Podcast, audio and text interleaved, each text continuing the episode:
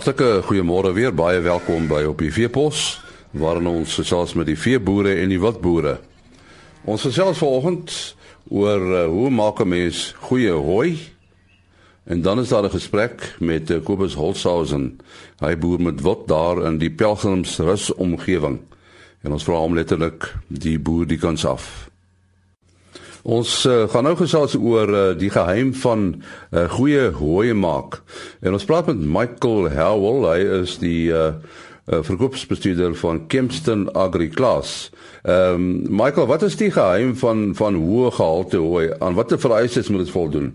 Natuurlik is dit die regte tyd om te sny. Uh jy moet in die regte tyd, jy weet, uh, jy moet ook jy moet in die regte stadium gesny word en ehm uh, kan ons gesê word, so nie weet, ehm um, so ja. En dan weer eens dan af van die tipe hoe. As dit sterren is byvoorbeeld, uh, jy kan nie behaal as dit te droog is nie. En hy moet ook gesny word teen die regte tyd en sê die regte hoeveelheid dom het dit so. Ja. Dit is baie belangrik en dan uh, die regte masjiene gebruik om dit te sny op die regte gewas. Dit help nie jy gaan eh uh, lucerne en jy sit 'n bossie kapper aan nie, want uh, jy gaan al die baie blaasverlies kry en ehm um, dit opmors weet. So ja ehm um, dis baie belangrik so sê ja. En hoe belangrik is die manier wat jy dit doen? Jy weet daar sekere areas waar jy jy moet miskien 'n kneuse gebruik en so aan of beskerming so want jy moet hom uh, so gou as moontlik van die land af kry. Anders dan gaan jy hierheen op hier gewas kry. En 'n ander ding is as jy hom hoe gouer jy hom van die land af kry hoe gou kan jy weer jou jou pivots of jou jou uh, kan jy weer die land nat kry. En uh, kan hy weer begin groei vir die volgende snyting. So dit is belangrik. En weet waar dat hulle noem jy maker inkom is as jy tipe goeder soos gras doen. Ehm um, gras baie hard op bemouer uh, en ehm um, sê sê waarde is so hoog nie.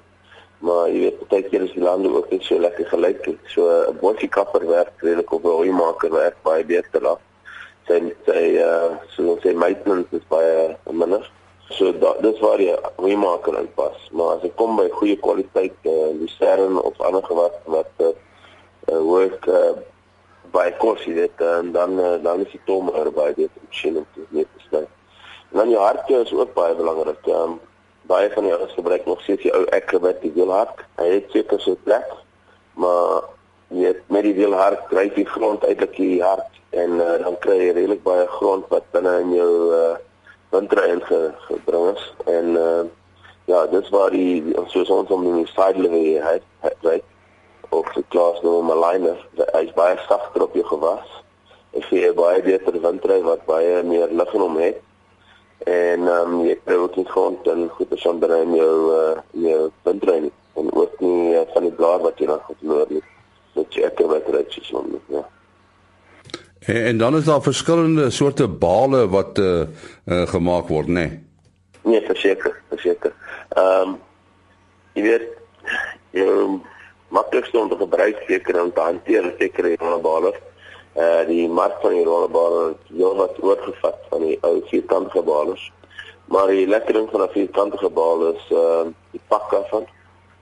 As jy hom in 'n skierrol sit of op 'n lorry om te skuif en ehm um, ouens wat die groot eh ehm uh, jy weet wat groot hoeveelhede skuif en so aan en baie lisernes net hulle gaan weer na die big packs toe. Uh, want daar's van die ouens wat dit oor see uh, stuur in containers. So dan gebruik hulle big pack balers. Ehm um, en dan het jy ook mos die in sekere areas en vir die vierkantige balers gebruik op lisernes en so aan. En dit sal ek sê jy weet om uit te voer is die klein vierkantige balers bietjie makliker. Maar jy weet om te lion swan op jou waas of goeders moet jy dan mense hê. Ehm uh, waar jy rondeballer, het jy een man nodig met 'n vurk agter op die trekker waar jy rondeballer kan uitdruk. En uh, jy hoef nie onmiddellik uit te ry nie want ehm uh, as 'n bietjie reën is op 'n rondebal, die meeste wat verlies wat jy kry op 'n rondebal is net 5%. Met 'n vierkantige bal moet jy onmiddellik van die land af kry want as hy 'n dak draag, dan uh, dan is dit 'n probleem weer terug te kry. Ja, ons sê baie dankie aan Michael Howell. Hy is van Kempston Agri Class. Ons uh, gesels nou met uh, Kobus Holzhausen van die Misty Creek Wildboerdery. Nou om mee te begin, uh, Kobus, waar presies is is hierdie wildboerdery van jou? Ons is so op bo op Robertspaas, so 15 km voor pelgrimsrus. En en watter wild boer jy mee? Ons is uh, maar hoofsaaklik besig met uh buffels en nie en nie kreer geen en ek probeer wegbly daar oor verskillende redes. Uh, uh Buster Gemsbokke en uh ons is besig om 'n nuwe trop uh swart tense bymekaar te sit. Dag dan het daar daar's daar ja, ander verskeie ander klein wild rooibokke, tykers, klipspringers, jy weet dis maar die maar die drie die drie hoofgoed is maar hartswatervrye springbokke, swart tense, Buster Gemsbokke en die buffels. Ja, dis 'n hele verskeidenheid. Uh, mens vra altyd die vraag, uh, hoe het jy by die wildboerdery betrokke geraak? Nee, sommer ek dit begin as 'n stokperdjie. Is eintlik nou nog so half en half 'n stokperdjie, maar uh jy weet dit dit uh dit daar's baie werk aan. So mense kan dit nie regtig meer 'n stokperdjie noem nie. Jy het 'n hele klompie wild genoem daarso, maar jy het op 'n baie kleiner skaal begin, né? Nee? Ja, o ja, nee, kyk om, omdat ek dit begin het as 'n stokperdjie, het ek begin met uh sewe buffels, ek het begin met uh 9 swart-wit pense en ek het begin met 9 Buster Gensbokke. En dit dit natuurlik uitgebrei jy dit nê. Nee. Ja, baie uitgebrei en ons het al baie verkoop teen baie goeie baie baie goeie pryse. So uh, ja, die boerdery op hierdie stadium al wat hulle baie kort tydjie is, het die wild al vir die plaas die ontwikkeling van die plaas en al die diere wat ek gekoop het, het die wild al klaar voorbetaal. So jy boer net met wild? Ja, ja, ja, okay. jy weet ek is 'n uh, afgetrede ingenieur so ek het op hierdie stadium uh, is ons eintlik so uh, semi afgetree. So is net ek en my vrou en ja, ons is net net besig met die wild. Uh daai omgewing waar jy is, uh, dis nogal bergagtig nê. Nee? Is dit uh, geskik vir dit wat jy doen? Ja, dit is baie baie geskik. Uh, dis vir my en ek daar's baie mense wat met my sal verskil, maar hoor dat dit ons is net regtes in die klowe en daar's baie baie mooi bome in die klowe ook, maar jy soek nooit na jou wild nie. En uh jy weet daar's daar's nie ons sit nie met oormaat parasiete en goed hier bo nie. Is so, ons is so 1900 meter bo die spieël Maar ons ons is bo op die berge en is relatief plat hier bo, jy weet. Uh, so maar maar dis dis oop en jy soek nooit jou wild nie. Jy sien al jou wild elke dag. Hoe groot is die area waarop jy boer? Jong, ons is ek, ek nou besig om nou uitbrei, maar ons is ons is tans op so 700 hektaar. Uh is uh, word dit nou as 'n klein wildboerdery betref wat die oppervlak betref? Baie baie klein.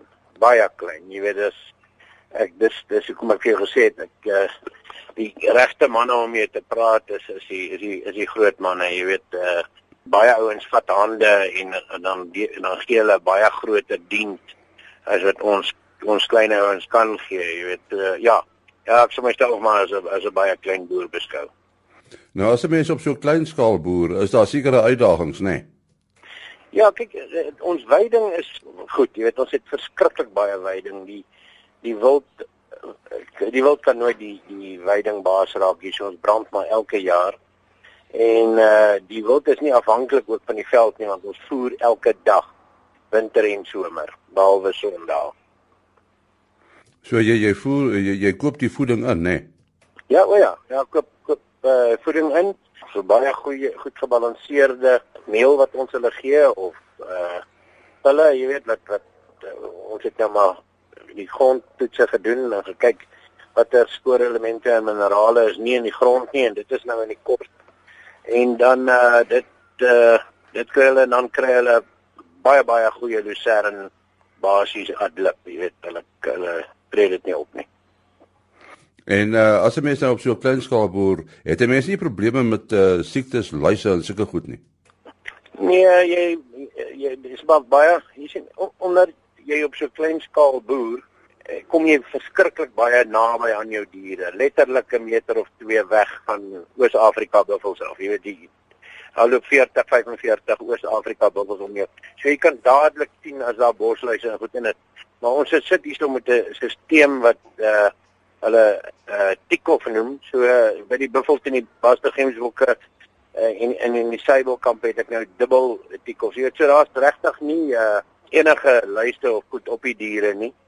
Uh ontwurming doen ek twee keer 'n jaar uh, met uh, Panakeer en uh, Ivermac. En die diere is reg by jou. Die ou agter op die bakkie sit altyd met 'n spuitbottel en as hy dalk 'n bosluis op 'n dier stou sien, dan spuit hy hom, jy weet. En dan nou, dan gee ons hulle so 3 maande 'n jaar uh wat ons maar toelaat dat hulle bosluise optel. Ons sal uh, nou nie te erg nie. Dit is dan nou te veel is dan sal ons uh, hulle bietjie spyt maar dat hulle net nie die immuniteit verloor nie.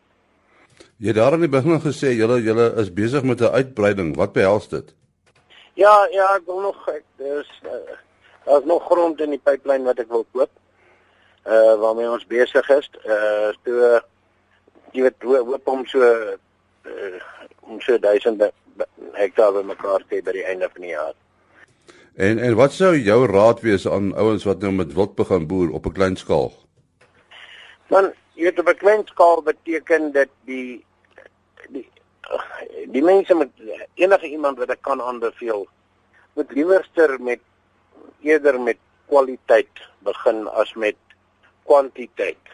Jy weet die feit is net dat jy vorentoe verkoop diere van hoë kwaliteit net beter. En waar as jy meer gaan vir vir kwantiteit sit jy in die toekoms met 'n met 'n klomp diere wat bietjie substandaard is dalk en wat jy nie verkoop kry nie. Ja, intussen hou julle op 'n manier vakansie daar tussen die berge, né? Ja, nee, dit is wonderlik. Jy weet wat nou hierso sit het ek nou al teruggekom van die voer af wat so 3 ure in die oggend, so ons ry so half 6 dan maak ons so op 9 kwart voor 9 klaar. Uh, dan het, dan dan dek al die diere deur gekyk. Jy weet dis ook goed dat jy jou diere so naby kan sien, dan kan jy sien as daar snye en goed dan is dan ons maak hulle sommer ons dokter sommer self alhoewel ons 'n pypveearts het. Uh, maar uh, ja, dit dit dit is 'n groot voordeel as jou diere baie mak is. Dan kan jy dadelik sien as daar besterings is en so voort en so voort.